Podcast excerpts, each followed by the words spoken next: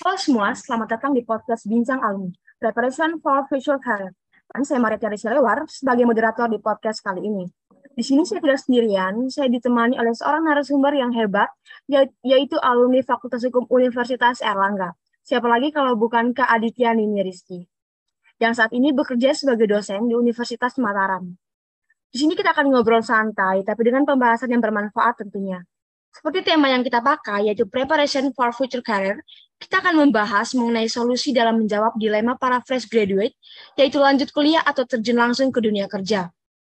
E, dilema tersebut pastinya banyak dialami para fresh graduate maupun mahasiswa akhir.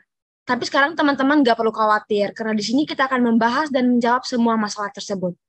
Nah, aku mau sapa pembicara kita dulu nih. Halo Kan ini. Halo Tasya.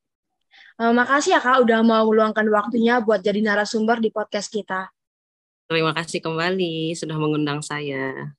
Ya Kak. Kalau boleh tahu Kak, gimana nih keadaannya Kak ini? Alhamdulillah baik-baik saja. Ya Kak. Uh, kalau kesibukan kali ini sekarang apa aja? Uh, banyak ya kesibukan hari ini semenjak saya menjadi seorang ibu, menjadi seorang ibu, menjadi seorang dosen. Saya juga ada uh, bisnis kecil-kecilan. Jadi banyak, banyak banget. Cukup, cukup sibuk ya kak, uh, apalagi yeah. menjadi seorang dosen sekaligus seorang ibu itu yeah, iya, uh, pekerjaan yang sulit juga.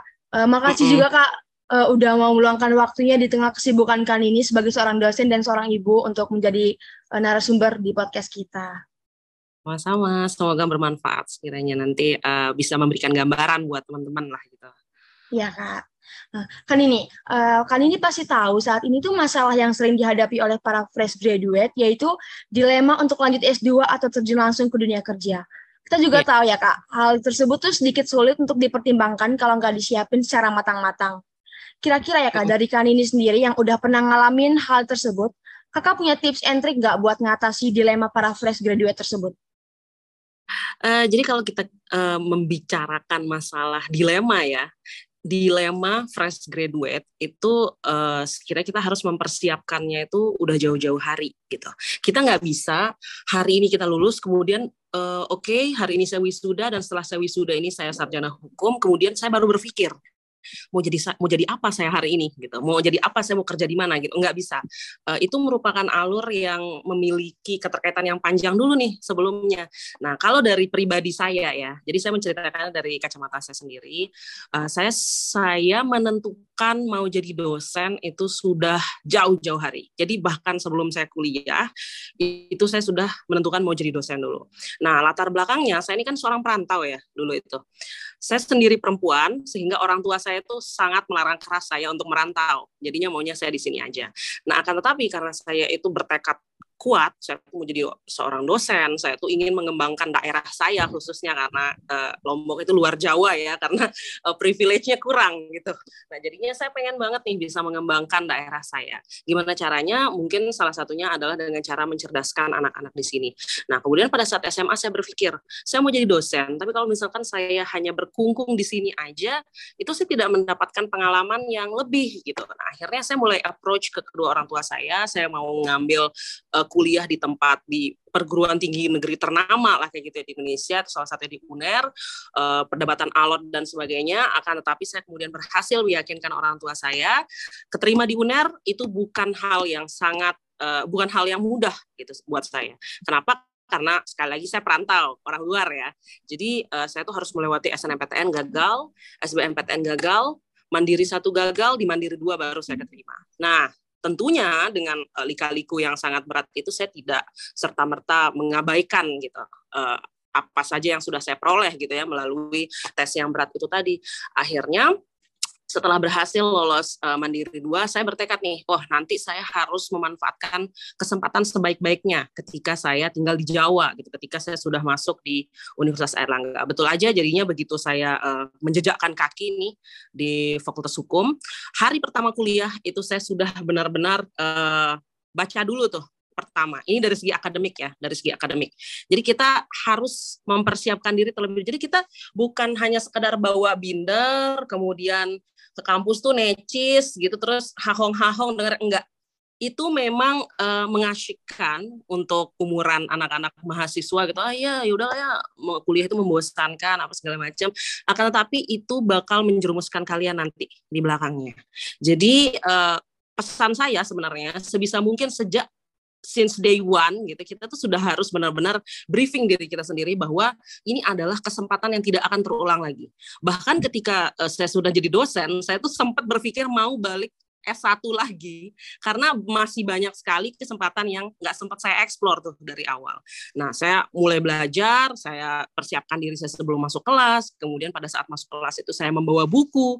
Jadinya ketika ada dosen menjelaskan, saya buka bab yang sekiranya akan dia jelaskan. Kemudian ketika uh, besoknya dia mau ngajar misalnya minggu depannya gitu ya, itu pertemuan satu kali seminggu, saya tanya lagi minggu depan kira-kira kita akan belajar tentang apa sehingga sebelum masuk ke dalam kelas uh, kelas beliau atau at least uh, 15 sampai 12 eh 15 sampai 20 menit lah gitu.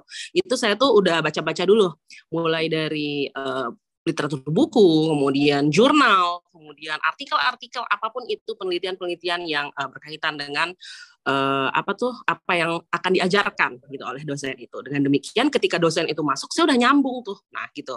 Jadinya uh, apa yang disampaikan dosen saya juga ngerekam. Jadinya nanti siapa tahu ada yang lupa gitu ya. Saya udah siap. Nah, itu dari segi akademik. Kemudian uh, di tahun pertama saya, di tahun pertama saya berkuliah pada saat itu saya udah langsung loncat masuk ke dalam BEM UNER waktu itu dengan zero experience. Jadi saya benar-benar pada saat SMA nggak pernah ikut OSIS, nggak pernah ikut lomba, nggak pernah ikut apa, tiba-tiba saya masuk BEM UNER dan itu adalah pengalaman pertama saya dalam berorganisasi. Di situ saya betul-betul membuka diri. Konsepnya itu sebenarnya ketika kita eh, menjadi seorang pembelajar itu adalah pertama kita itu harus siap menjadi gelas kosong di mana pun kita. Nah, ketika saya masuk ke dalam BEM UNER itu, saya betul-betul mengosongkan diri saya. Walaupun saya sudah mengetahui suatu hal, itu saya berusaha untuk meraup informasi sebanyak-banyaknya, sehingga sekiranya itu akan mengisi kekosongan-kekosongan itu tadi gitu. Nah, jadi dari informasi yang satu dengan yang lainnya itu bisa saya hubungkan gitu. Nah, itu pertama di BEM, kemudian eh, saya sempat ikut debat juga dulu waktu itu dan itu adalah pengalaman pertama saya ikut debat. Uh, singkat cerita sampai dengan semester 5, 6, 7 itu saya aktif-aktifnya organisasi. Saya ikut ILSA, saya ikut ALSA. Uh, jadi ada beberapa kubu ya kalau mahasiswa itu saya ingat banget itu ada beberapa kubu. Ada kubu yang kupu-kupu, ada kubu yang aktif organisasi betul aktif banget sampai izin-izin kelas gitu. Ada juga yang kayak saya tuh setengah-setengah. Jadi bagi saya keduanya itu merupakan hal yang sangat penting. Jadinya nggak boleh kita kupu-kupu karena apa? Karena organisasi itu mengajarkan kita sesuatu yang sebenarnya tidak ada di dalam akademik gitu. Akademik itu kan sifatnya teoritis ya. Nah, pengembangan diri, soft skill, pengembangan uh, komunikasi kita, bagaimana kita public speaking dan lain-lain, kemudian relasi, pengembangan relasi itu semua kita dapatkan melalui organisasi. Tidak bisa kita dapatkan melulu hanya di ruangan kelas gitu. Nah, jadinya saya tuh adalah tipikal orang pada saat kuliah saya adalah tipikal orang yang dua-duanya. Uh, saya akademik iya, organisasi iya. Akhirnya apa yang dikorbankan? Waktu waktu itu betul-betul waktu bermain, waktu nongkrong, waktu tidur itu semuanya dikorbankan karena hari-hari saya habiskan untuk berorganisasi, malamnya saya habiskan untuk belajar dan mengerjakan tugas gitu. Nah, jadinya eh, ketika saya sudah lulus itu oh iya saya sempat magang juga waktu itu saya sempat magang juga. Nah jadinya uh, pada saat itu saya magang dua kali pada tahun 2016 eh 2017 awal saya tuh magang di Kemenlu di divisi perancangan perjanjian internasional. Kenapa saya mengambil magang itu adalah karena memang uh, saya ini kan mau jadi dosen gitu ya. Sekiranya nanti di sini itu belum ada departemen hukum internasional. Nah, saya tuh sekiranya ingin menguasai bagaimana sih perancangan perjanjian internasional itu gitu. Nah, di sini tuh masih belum berkembang sehingga uh, saya bisa memanfaatkan ilmu saya di sini. Itu yang pertama. Terus kemudian uh, 2017 akhir saya berangkat ke KBRI Den Haag untuk melanjutkan magang saya di Kemenlu itu tadi gitu. Sama di divisi perjanjian internasional juga akan tetapi uh, atas ekonomi gitu. Nah, jadinya uh, khusus perjanjian ekonomi gitu. Nah, jadinya dari uh, pengalaman magang saya ini saya mendapatkan gambaran gitu. Kayak gimana sih dunia kerja itu gitu. Gimana uh, apa yang sekiranya harus saya persiapkan. Jadi bukan hari ini kita mau lulus ya, baru kita dilema nih, aduh dilema saya mau lanjut apa gimana. Nah, jadinya saya mau melanjutkan S2 itu sudah dipikir sejak hari pertama gitu. Kenapa mau lanjut S2? Karena memang persyaratan seorang dosen itu adalah minimal S2 gitu. Jadi melanjutkan S2 itu bukan karena uh, without any reason gitu. Saya nggak ada alasan ya pengen aja lanjut S2 apa segala macam. Uh, plus minusnya kalau misalkan seorang dosen itu kan dia wajib wajib ya lanjut S2. Tapi kalau dia non dosen, nah ini nih yang dipertanyakan nih. Kalau non dosen uh, kalau menurut perspektif saya, ketika kita itu betul-betul masih zong, saya cuma punya pengalaman kerja, eh pengalaman magang, pengalaman akademik, pengalaman organisasi apa segala macam. Kemudian oke okay, sekarang saya lulus dan saya harus mencari uang gitu ya, mencari uang menggunakan uh, sarjana saya ini, bekal ijazah saya ini. Gimana caranya gitu. Nah, jangan pernah ambil uh, pemikiran eh apa ambil pilihan untuk ah saya S2 aja deh untuk mengisi waktu kosong. No, itu big no banget. Kenapa? Karena banyak perusahaan, saya baca banyak banget referensi mengenai ini. Banyak perusahaan itu yang kurang serak sama kandidat yang sudah memiliki gelar magister akan tetapi tidak memiliki pengalaman kerja. Jadi eh, ketika dihadapkan pada permasalahan dilema itu tadi, mahasiswa sebaiknya, mahasiswa sarjana ya, berarti sarjana nih udah bukan mahasiswa lagi, sarjana hukum sebaiknya itu berpikir, oh uh, saya lebih baik ngambil kerjaan yang uh, ya mungkin gajinya masih agak kecil lah ya gitu. Kita ambil batu loncatan gitu. Tapi mengasah experience saya mengasah pengalaman pekerja saya. Atau juga kita walaupun kita lulusan UNER bukan kok kita itu yang benar-benar siap kerja 100% gitu kan. Kita tentu butuh diasah dulu gitu. Nah, akhirnya ambil dulu kerja-kerja yang ya gitu. Bisa kalian jadikan batu loncatan, bisa jadi uh, kalian jadikan untuk bahan pengalaman kalian, mengajarkan kalian mengenai uh, bagaimana uh, menjadi seorang yuris dan lain-lain gitu. Nah, setelah itu barulah kalian melangkah ke pelan-pelan gitu naik. Nah, ketika kalian dalam posisi ini terus kemudian uh, apakah S2 akan mengembangkan karir saya? Bisa jadi S2 itu dilakukan pada saat sudah bekerja gitu. Nah, ketika sudah bekerja, kemudian kalian S2, ketika nanti misalnya kalian mau resign dari tempat yang lama, kemudian mau ngambil kesempatan yang baru yang lebih bagus gitu ya, rekruter tuh bakal bilang, wah ini hebat nih, dia udah punya pengalaman, akan tetapi juga udah punya latar belakang uh, sekolah S2 gitu. Jadinya dia sudah expert di bidang ini. Apalagi apabila antara pengalaman dengan S2 yang diambil itu linier gitu. Jadi pengalamannya misalnya uh, kalau saya gitu dalam bidang hukum laut aja gitu ya, hukum internasional, hukum internasional. Kemudian pada saat S2 itu ngambilnya spesialisasinya apa konsentrasinya hukum internasional juga, hukum laut juga. Tesisnya mengenai hukum laut juga. Nah, itu otomatis rekruter tuh akan melihat ada nilai tambah dari uh, kandidat ini gitu. Nah, beda ceritanya ketika misalnya dia itu baru selesai S1, oh, saya ternyata nggak langsung keterima kerja ya, gitu. Saya ternyata nggak langsung keterima kerja, saya lanjut S2 aja deh, gitu. Untuk mengisi waktu sambil-sambil saya, enggak, saya sudah mencoba hal itu dan itu sangat stress out, bikin saya stress out. Jadi betul-betul bikin saya stress. Kenapa saya ini sudah S2 loh? Kalian kok nggak terima saya? Gitu. Saya pernah berpikir seperti itu. Padahal harusnya dengan uh, jenjang keilmuan yang cukup tinggi, ini nih saya bisa gampang masuk di mana aja. Harusnya saya seperti itu saya sempat mikir kayak gitu. Ternyata salah mereka rekruter itu tidak mencari orang yang uh, latar belakang pekerjaan eh apa tuh maksudnya apa uh, latar belakang keilmuannya tinggi sudah magister apa segala macam akan tetapi memiliki nol pengalaman kerja gitu. Karena akan lebih sulit bagi mereka untuk mentraining kita gitu. Karena apa yang kita dapatkan di dalam uh, bangku S2 itu kan sekedar teori semua ya. Prakteknya itu beda lagi gitu. Nah uh, jadinya apa yang harus uh, sekiranya akan kita persiapkan gitu. Kalau misalkan ini nih kalian dihadapkan pada dilema itu tadi kemudian tidak uh, tidak ada pilihan saya mau S2 kayaknya saya mau S2 aja deh jangan dulu. Pertama-tama yang pernah saya lakukan adalah uh, update LinkedIn. LinkedIn itu adalah aplikasi yang betul-betul bermanfaat banget untuk pencari kerja. Nah, jadinya sebisa mungkin bikin uh, LinkedIn itu terlihat profesional dan perbaiki pola komunikasi kalian. perbaiki pola komunikasi kita itu dari yang awalnya selengean menjadi profesional gitu. Nah, kemudian dari LinkedIn ini tadi jangan pasif, udah ya udah ya pokoknya saya udah perbaharui LinkedIn saya jangan. Udah saya masukin CV-CV saya, saya udah ikut National Mood Court apa segala macam gitu. Sudah saya masukin semuanya. Enggak, enggak hanya berhenti di situ.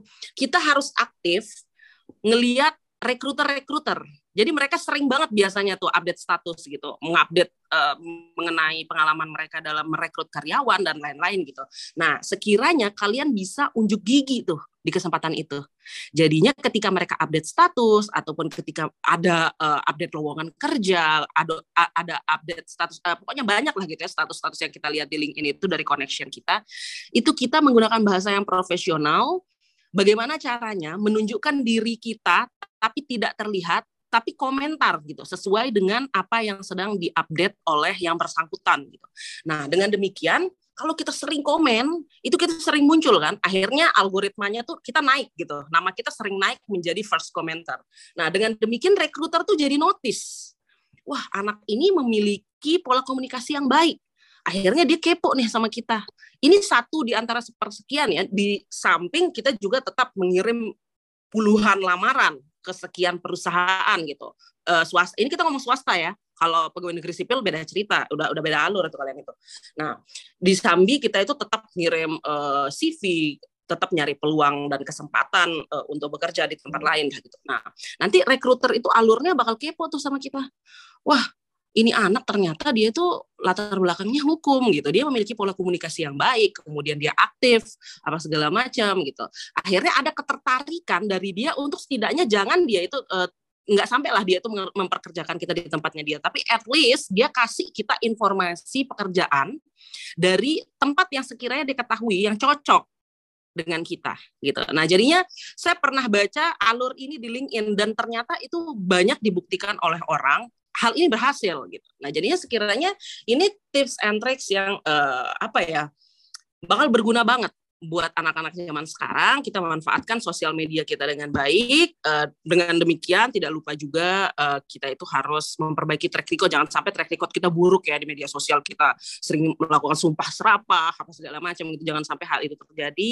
Bagaimana caranya kita merubah diri kita menjadi profesional dan sebagainya. Untuk sebelumnya kita itu uh, melanjutkan S2 gitu. Jadi jangan langsung terburu-buru S2 tuh kalau misalkan apa yang kita mau tuju itu kategorinya tuh tidak memerlukan pendidikan S2 begitu.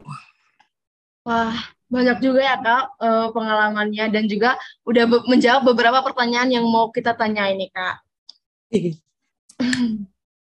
nah, jadi uh, dari pengalaman kali ini nih uh, harus dipersiapkan secara matang-matang ya Kak untuk memilih suatu sesuatu itu antara mau lanjut S2 atau mau lanjut kerja. Iya, betul. Nggak bisa langsung setelah lulus kuliah langsung ditentuin mau lanjut kerja atau kuliah ini. Harus dipersiapkan secara matang-matang.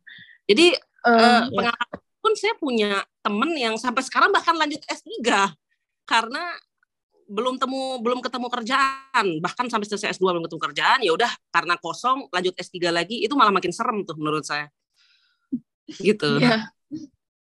Terus juga tadi uh, dari ceritakan ini untuk masuk unit juga lumayan sulit ya kak. Iya. Uh, banyak uh, banyak uh, dari pengalaman kan ini juga tadi banyak mengikuti beberapa organisasi seperti BEM juga ya kak. Terus uh, uh, banyak juga yang bermanfaat menurut kan ini tadi jangan menjadi mahasiswa kupu-kupu. Terus juga oh. ada um, terus juga ada pengalaman magang yang memberi gambaran mengenai dunia kerja uh, hmm. melanjutkan S2 terus uh, untuk menjadi dosen juga tuh harus melanjutkan S2 terlebih dahulu ya kak karena itu merupakan salah satu syaratnya. Harus harus. Kalau uh, kalau dosen itu mau swasta maupun negeri itu dia harus S2 ya arti uh, aku sedikit kutip ya kak beberapa pesan yang kan ini sampaikan tadi itu. Uh, jangan hanya mengambil S2 hanya untuk mengisi waktu kosong karena ada beberapa orang yang kurang serak dengan orang yang memiliki gelar magister tapi tidak punya pengalaman kerja seperti Betul. itu. Ya kak, berarti itu uh, pengalaman kerja itu sangat penting ya kak untuk dunia uh, untuk lanjut S2 ataupun langsung terjun ke dunia, ke dunia kerja. Penting banget. Jadi uh, contoh cerita aja nih ya. Ini cerita real ya, ini suami saya. Suami saya hingga saat ini itu belum S2. Akan tetapi dulu ketika dia baru keluar dari salah satu BUMN untuk kemudian dia nyari kerja, itu dia nggak nyari. Dia yang dicari.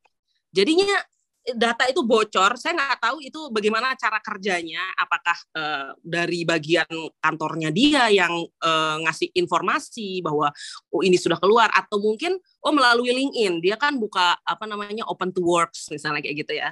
Nah akhirnya tuh uh, apa tuh beberapa perusahaan-perusahaan dengan uh, kriteria serupa gitu yang dibutuhkan dari suami saya ini akhirnya itu uh, approaching ke suami saya. Sekiranya apakah berkenan berminat apabila bekerja dengan kami apa segala macam. Tawaran dan itu tuh lebih uh, apa tawarannya itu melalui jalur profesional gitu. Bukan yang rekrutmen lagi dari awal dari nol lagi apa segala macam. Nah gitu. Memang sudah memiliki posisi tertentu yang akan diisi gitu. Nah jadinya sampai sekarang suami saya tuh belum menempuh pendidikan S2 akan tetapi dia itu sudah memiliki beragam pengalaman kerja yang kalau misalkan dia lepas pekerjaan sekarang dia itu akan dikejar oleh rekruter yang lainnya. Karena memang yang dibutuhkan dari dia ini bukan uh, ilmu S2 bukan. Bukan teorinya akan tapi praktek yang sudah dia lakukan. Oh dia adalah mantan karyawan BUMN dia pernah kerja di sini pernah menjabati posisi ini dan lain-lain. Dia kemudian pindah ke perusahaan ini selama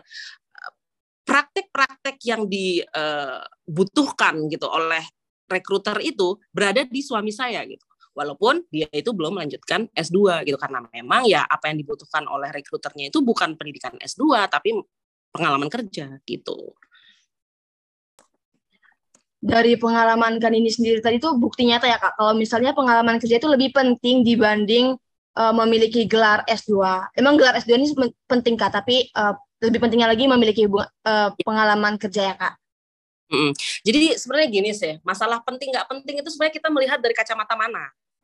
Kalau misalnya kita melihat, oh ilmu pendidikan itu bagi saya penting, tidak peduli apakah pendidikan itu saya gunakan untuk melamar kerja atau tidak. Ada juga yang berpikir seperti itu ya. Jadinya dia itu S2 memang hanya untuk uh, broaden knowledge-nya dia, kemudian itu menambah relasinya dia, kemudian itu uh, intinya kan orang yang berpendidikan itu memiliki level yang berbeda ya entah dari gaya komunikasi, cara penyelesaian penyelesaian masalah, kematangan berpikir dan lain-lain. Itu adalah nilai plus yang didapatkan ketika kita itu menempuh pendidikan. Semakin tinggi pendidikannya akan semakin uh, expert lah kita dalam bidang itu gitu. Nah, akan tetapi di sini uh, penting tidak pentingnya itu tergantung lagi dari yang mana. Apakah kamu itu masuk ke dalam kategori yang uh, oh iya saya berpikir S2 itu tetap penting walaupun nanti saya nggak akan menggunakan ini untuk uh, melamar kerja gitu. Saya cukup jadi ibu rumah tangga, ada juga yang seperti itu. Jadi saya ingin jadi ibu rumah tangga rumah tangga aja S2 saya tetap lakuin karena memang saya butuh ilmunya.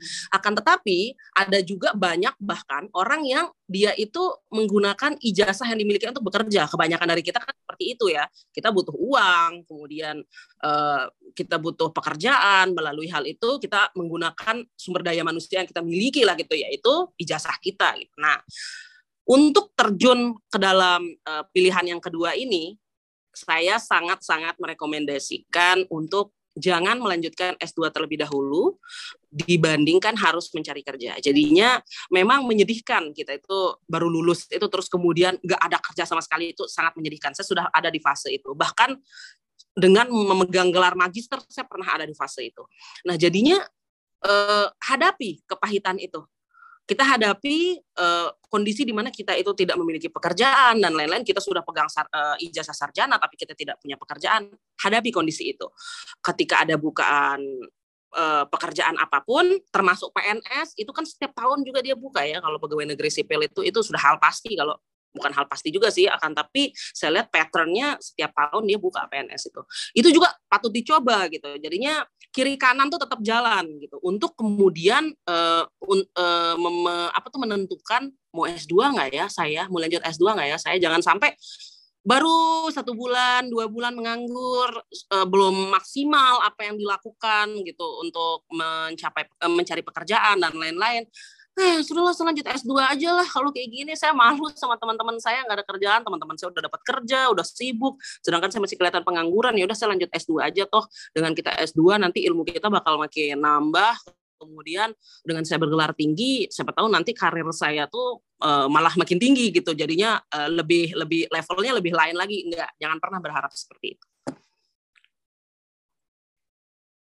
ya kak udah ada beberapa pertanyaan juga ya kak yang ingin terjawab jadi ini ada tips dari kak Nini yang bisa dipakai yaitu selalu update link LinkedIn ya kak terus juga oh. perbaiki pola komunikasi dan harus juga aktif melihat recruiter gitu. Ya. Nah, nah, Kak, aku sedikit kepo ya Kak dengan tindakan yang diambil oleh Kak Nini pas mau melanjutkan ke jenjang S2. Kira-kira apa hmm. sih yang Kak Nini persiapkan untuk lanjut kuliah S2?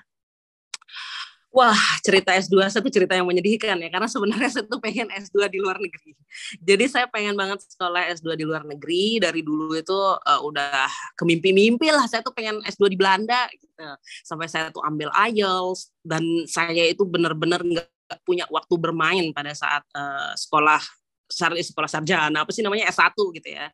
Pada saat saya S1 tuh saya benar-benar mengeliminasi waktu bermain. Saya ambil kursus bahasa Inggris kiri kanan itu betul-betul saya lakukan uh, produktif lah gitu ya saya betul-betul produktif nah akan tetapi ternyata ya kita kembali lagi kita mau berencana sebaik-baiknya Allah yang menentukan gitu ya Tuhan yang menentukan uh, saya nggak bisa tuh waktu itu tetap uh, masuk buat sekolah ke luar negeri karena memang IELTS saya tidak memenuhi akhirnya saya langsung berpikir cepat pada saat itu saya lagi magang tuh di Belanda. Udah nangis-nangis nih karena IELTS sudah nggak memenuhi dan itu udah kali ketiga saya mencoba. Jadi bukan kali pertama, kali ketiga saya mencoba dengan biaya yang tidak sedikit, kemudian dengan biaya kursus yang juga tidak sedikit, lelah fisik, hati, mental, otak semuanya udah lelah.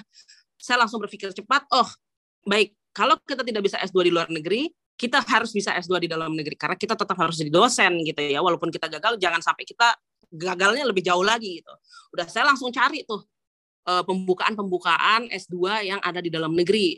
Nah, kebetulan pada saat itu eh, universitas-universitas ternama lainnya, PTN-PTN ternama lainnya sudah tutup. Tutupnya bulan Februari, sedangkan itu bulan Maret dan yang buka hanya uh, ya alma mater kita tercinta gitu ya, UNER yang buka waktu dan saya bilang, wah saya lebih senang nih kalau misalkan ngelanjutin di UNER karena pertama saya udah kenal dosen-dosennya, saya udah dekat gitu kan sama dosen-dosen hukum internasional. Kemudian mereka-mereka itu beliau-beliau itu sangat membantu saya dengan baik lah gitu pada saat saya menyelesaikan jenjang S1 saya.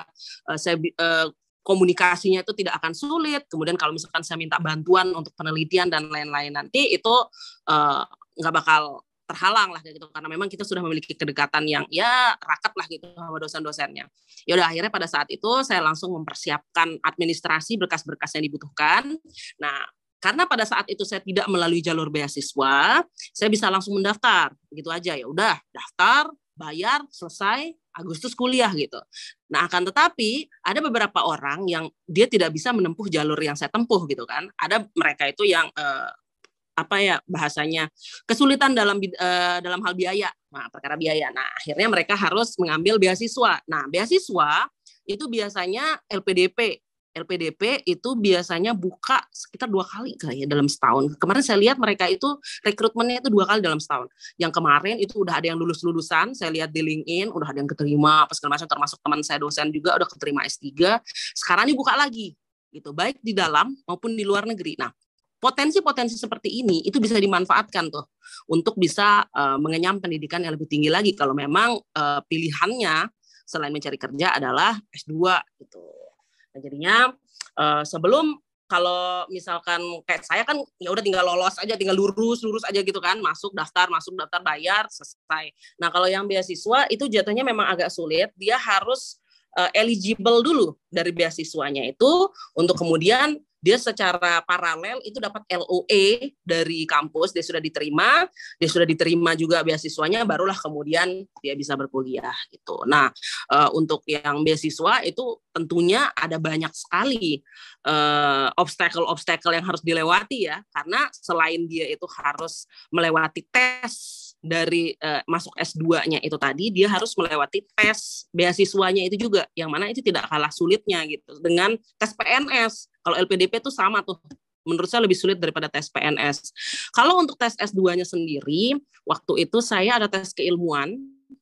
Jadi tes keilmuan itu uh, kita itu diulang lagi dari semester 1 bangku perkuliahan sarjana. Kita tuh betul ditanya dasar-dasarnya seperti apa, kemudian tes keilmuan konsentrasi. Kita mau masuk apa nih gitu. Jadi dari awal kita memang sudah harus mempersiapkan uh, tesis kita juga. Jadi judul tesis itu sudah dari awal dipersiapkan. Jadi kita sudah tahu konsentrasi kita, bukan yang uh, apa ya, saya masih bingung ikut temen gitu. Jangan, jangan sampai kayak gitu. Itu bahaya banget tuh yang ikut temen tuh. Nah, uh, saya kayaknya ngambil internasional aja ya udah dari sekelas itu yang waktu itu tes ada sekitar 30 orang saya hanya sendiri yang ambil hukum internasional waktu itu. Nah, akhirnya dikasih tuh tes keilmuannya hukum internasional seperti apa gitu kan. Kita jawab-jawab-jawab, selesai itu wawancara. Nah, wawancara itu yang dipertanyakan adalah judul skripsi dan judul tesis kita. Nah, proposal tesis, kita kan bawa proposal tesis tuh kan. E, di proposal tesis itu ada latar belakang, rumus masalah sama seperti proposal uh, waktu kita sempro skripsi, proposal skripsi. Nah, itu kemudian pendanaan dan lain-lain. Berapa lama uh, kita akan menempuh pendidikan S2, siapa yang mendanai kita, kemudian uh, seperti itu. Itu semua masuk ke dalam proposal tesis kita yang uh, menjadi persyaratan untuk masuk S2 itu. Nanti kita ditanya tuh pada saat wawancara, "Oh, kamu beasiswa? Oh, kamu biaya sendiri. Ini bisa nih sampai uh, sampai akhir, jangan sampai entar gantung tiba-tiba di tengah gitu. Terus kemudian ini tesismu judulnya kayak gini, emang kemarin skripsimu judulnya apa? Waktu itu saya uh, S1-nya itu judul skripsinya mengenai kewajiban negara dalam melakukan penangkapan illegal fishing menurut UNCLOS. Nah, S2-nya itu implementasi eh, implementasi National Plan of Action uh, di Indonesia dalam menanggulangi illegal fishing di Indonesia. Jadi linear. Nah, kemudian saya menjelaskan tuh bagaimana korelasi relasi antara skripsi saya dengan uh, calon bakal tesis saya ini tadi gitu dan bagaimana sekiranya saya akan menyelesaikan tesis saya penelitiannya akan dilakukan di mana kemudian itu apa sumber daya yang saya butuhkan, berapa lama penelitian dilakukan, itu semuanya ditanyakan pada saat wawancara. Kemudian ada juga tes TOEFL tes TOEFL dan uh, tes akademik kayak apa ya kayak SKD-nya CPNS gitulah tes pengetahuan akademik dasar aja dasar aja yang kayak gitu tuh. Kayak matematika dan lain-lain. Udah gitu aja terus nunggu pengumuman selesai. Menarik ya kak. Uh, ini uh, aku sedikit mau nyampein teman-teman uh, kepada teman-teman pesan dari kan ini walaupun kita gagal itu jangan sampai kita gagal lebih jauh lagi. Iya, jadi kita betul jadi kita harus berpikir cepat ketika kita gagal eh, mendapatkan apa yang kita mau ya kak. Dan juga jangan sampai kita ikut teman ya kak. Betul betul. Ya kak. Nah untuk setelah menempuh, nah setelah menempuh S2 nih kak, kan ini melanjutkan karir sebagai dosen tepatnya di, di Universitas Mataram ya kak. Aku juga kepo nih ya kak terkait hal ini. Proses untuk menjadi dosen seperti itu, kira-kira tahapan-tahapannya itu seperti apa ya kak? Nah, eh, jadi untuk menjadi dosen itu agak tricky ya memang. Ada beberapa orang, eh, ada beberapa bidang yang saya tidak tahu, misalnya kayak dosen swasta itu saya kurang tahu ya caranya seperti apa. Ini menurut pengalaman saya aja, karena UNDRAM itu adalah perguruan tinggi negeri, jadinya pertama-tama waktu itu kan belum ada bukan PNS tuh, masih anyep-anyep nih. Lulus saya 2020 Maret, itu masih anyep COVID lagi gitu. Jadinya belum ada bukan PNS, uh, eh, saya tuh pertama ngide dulu masukin CV, kemudian transkrip nilai, ijazah, kopiannya ya, bukan aslinya, ijazah dan lain-lain itu saya masukin ke kepegawaian Fakultas Hukum Universitas Mataram. Asal aja nggak ada bukaan, asal aja gitu. Karena kan saya kurang tahu juga ya info di sini jangan ada bukaan tapi saya nggak tahu gitu. Ya udah saya masukin aja saya bilang e, Pak ini nomor WA saya. Udah tabel muka aja saya. Pak ini nomor WA saya kalau misalkan nanti ada bukaan tolong saya ditelepon ya Pak gitu. Enam bulan tuh anyepnya sampai bulan Desember saya tuh baru ditelepon. Nah kemudian apa yang saya lakukan pada saat bulan Desember tuh? Ingat kita sebagai seorang sarjana hukum itu dicetak menjadi problem solver. Kita itu harus bisa memecahkan masalah. Ketika kita mengalami hal itu, jangan hanya berfokus pada saya mau jadi dosen, saya tungguin sampai kapan pun saya akan tungguin. Jangan. Kita harus bisa juga nyambi gitu. Apa yang bisa saya lakukan untuk menyambung hidup saya? Surviving mode saya apa nih? Waktu itu saya jualan. Jadinya karena saya melihat banyak sekali orang-orang di sekitar saya yang uh, mereka itu terdampak ya COVID, ada di PHK apa segala macam, saya merekrut uh, mereka bekerja sama dengan mereka untuk membentuk satu uh, jasa boga catering, membentuk kecil-kecilan aja gitu. Tapi alhamdulillah berjalan dan menjadi uh, surviving mode saya selama enam bulan itu dan berlangsung sampai sekarang. Nah, pada saat Desember tiba-tiba ketika saya lagi nggak ngarep-ngarepnya di telepon untuk dapat kerja, udah hilang tuh harapan ekspektasi saya menjadi dosen apa segala macam. Tiba-tiba saya ditelepon, e, mohon datang ya untuk rekrutmen, gitu. Ya udah saya persiapkan diri, kemudian uh, saya persiapkan RPS, rencana pembelajaran semester, siapa tahu saya disuruh micro teaching, kemudian membawa berkas-berkas yang saya butuhkan, akhirnya saya wawancara, micro teaching dan lain-lain, dan akhirnya bulan Februari saya ditentukan uh, terima sebagai dosen kontrak dulu dosen tetap non PNS di Fakultas Hukum Universitas Mataram. Ya udah, mulai mengajarlah saya uh, pada saat itu gitu kan.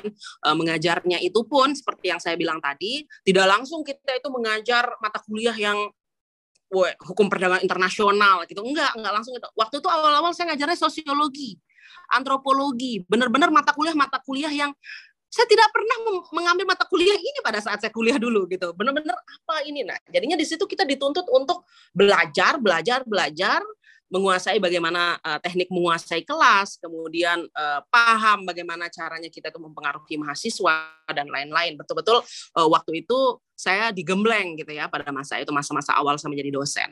Nah kemudian uh, selesai satu tahun saya menjadi dosen kontrak. Alhamdulillah tahun 2021 akhir itu ada bukan CPNS. Nah di situ saya uh, sambil menjadi dosen eh, kontrak tetap karena kontraknya itu berakhir selama satu tahun jadi Desember saya berakhir diperpanjang lagi setiap awal tahun uh, itu per September 2021 saya tes PNS eh Oktober sorry Oktober 2021 saya tes PNS Desembernya itu tes SKB wawancara micro teaching agak panjang ya. Kalau dosen itu panjang banget ya, nggak kayak yang lain SKD, SKB wawancara selesai. Kalau dosen itu ada micro teachingnya juga, kemudian SKB-nya itu berkaitan dengan uh, Tridharma perguruan tinggi, tugas dosen yang paling utama gitu ya. Tridharma perguruan tinggi itu ada pendidikan, penelitian dan pengabdian. Jadi betul-betul itu semuanya dipertanyakan secara rinci di dalam uh, seleksi kompetensi bidang. Kemudian ada tes psikologis juga, ada tes bahasa Inggris juga. Uh, padahal kita itu waktu SKD, waktu tes uh, apa tuh seleksi kompetensi dasar itu ada TPA kan, ada psikologi juga. Nah, akan tetapi ada psikologi lanjutan lagi pada saat seleksi kompetensi bidang gitu. Itu sifatnya lebih ke uh, profesi kita sebagai seorang dosen. Nah, jadinya kita tuh dihadapkan pada pertanyaan-pertanyaan yang apabila kamu memiliki mahasiswa yang kemudian mahasiswa ini ternyata anak dekat gitu. Nah kemudian dia tuh males, dia nggak lulus. Nah tapi kemudian kamu di, nah itu bagaimana? Nah jadinya kalau uh, pada saat SKD uh, eh, seleksi psikologinya itu lebih bersifat umum gitu ya. Apabila di instansi kalian segala macam. Nah kalau di seleksi kompetensi bidang itu sifatnya lebih berkaitan dengan tridharma perguruan tinggi itu sendiri pada saat kalian uh, dilema-dilema yang ditunjukkan itu adalah pada saat kita melaksanakan pendidikan, penelitian dan pengabdian. Tesnya pada saat itu cukup kompetitif karena uh, tesnya itu kalau SKD kan kita bisa next ya. Nanti kita balik lagi nih kalau kita nggak bisa jawab yang ini. Tapi kalau yang SKB itu kita satu soal itu ada waktunya. Jadi ketika kita habis waktunya, lanjut ke soal berikutnya, kita tidak bisa kembali lagi ke soal yang kemarin. Eh, soal yang kemarin, soal yang tadi gitu. Nah, jadinya betul-betul kompetitif, nilai juga langsung keluar. Kemudian pada ta uh, tanggal 25 Desember 2021, saya ingat banget, itu akhirnya saya PL, saya lulus, uh, keluar uh, hasil seleksinya, dan kemudian uh, setelah lulus, ya udah itu akhirnya kan tereliminasi beberapa orang beberapa orang itu tadi kita isi daftar riwayat hidup dan kemudian penantian enam bulan baru keluar SK CPNS-nya. SK CPNS keluar, saya berarti berhenti sebagai dosen kontrak sudah eh, pada saat saya SK CPNS sebelum SK CPNS saya keluar kan istilahnya kosong tuh ya kontrak bukan PNS bukan. Nah itu saya diperbantukan tuh sama instansi diperbantukan untuk tetap mengajar sebagai uh, dosen kontrak masih waktu itu, tapi masih diperbantukan gitu karena SKCPNS belum keluar. Kemudian per Maret SKCPNS keluar, kemudian prajabatan, prajabatan dulu. Jadinya uh, kita dites dulu sebagai seorang di sekolahin lagi nih sebagai seorang PNS gitu kan. Diajarkan mengenai core value ASN, apa segala macam dan lain-lain. Kemudian kita ujian lagi ujian lagi setelah ujian kita lolos CPNS kita ujian lagi untuk menjadi PNS uh, eh, tetap dengan kewajiban untuk mengajar, penelitian dan pengabdian itu tadi gitu. Nah, yaudah itulah awal-awal untuk menjadi dosen. Sisanya itu kan fungsional lah ya jabatan gitu nanti akan dihadapi sendiri. ya, seperti Kak. itu. Ya kak, cukup lama ya kak untuk untuk masa tunggu pada saat telah memasukin lamaran ya kak, dan cukup ya. panjang juga untuk syarat untuk menjadi seorang dosen dan juga banyak uh, tahapan seperti tes dan tesnya juga cukup kompetitif ya kak. Betul. Ya, setelah lulus juga dihadapin lagi dengan berbagai macam dengan, tes juga ya, Kak. Oke, seperti yang Kak Nini bilang, uh, kita sebagai sarjana hukum ini harus bisa memecahkan masalah. Kita juga harus mm -hmm. bisa berpikir apa yang bisa kita kerjakan ya, Kak. Betul. Ya, Kak. Nah, Kak, uh, ketika sudah menjadi dosen nih, Kak, mau tahu dong suka dukanya untuk menjadi seorang dosen itu seperti apa, Kak? Sebenarnya kebanyakan suka dukanya untuk menjadi seorang dosen itu di luar sebagai seorang ibu juga ya, nah itu merupakan peran ganda nih, seorang ibu, seorang dosen, kita punya anak di rumah, punya anak juga di kampus gitu. Suka duka yang paling saya hadapi ketika menjadi orang dosen adalah mahasiswa itu sendiri. Jadinya eh, mahasiswa itu macam-macam rupa dan warnanya.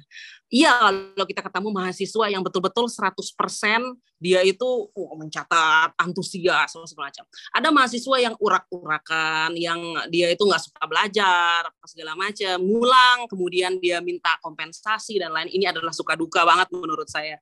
Dan uh, kemarin juga saya sempat banget ketemu mahasiswa yang dia itu betul-betul nggak punya attitude apa segala macam kayak gitu tuh saya membayangkan wah ini yang dihadapi dosen-dosen saya dulu waktu di UNER saya kayak gitu pantas mereka kerjanya temper aja dulu emosi mulu. Setiap hari mereka menghadapi yang seperti ini. Jadi du, suka duka terbesar saya uh, selama menjadi seorang dosen pertama mahasiswa selain uh, tuntutan dari profesi itu sendiri ya misalkan karena uh, saya kan dosen PNS ya jadinya pasti memiliki beberapa kewajiban terhadap instansi misalnya memenuhi kredit poin yang kayak gitu-gitu.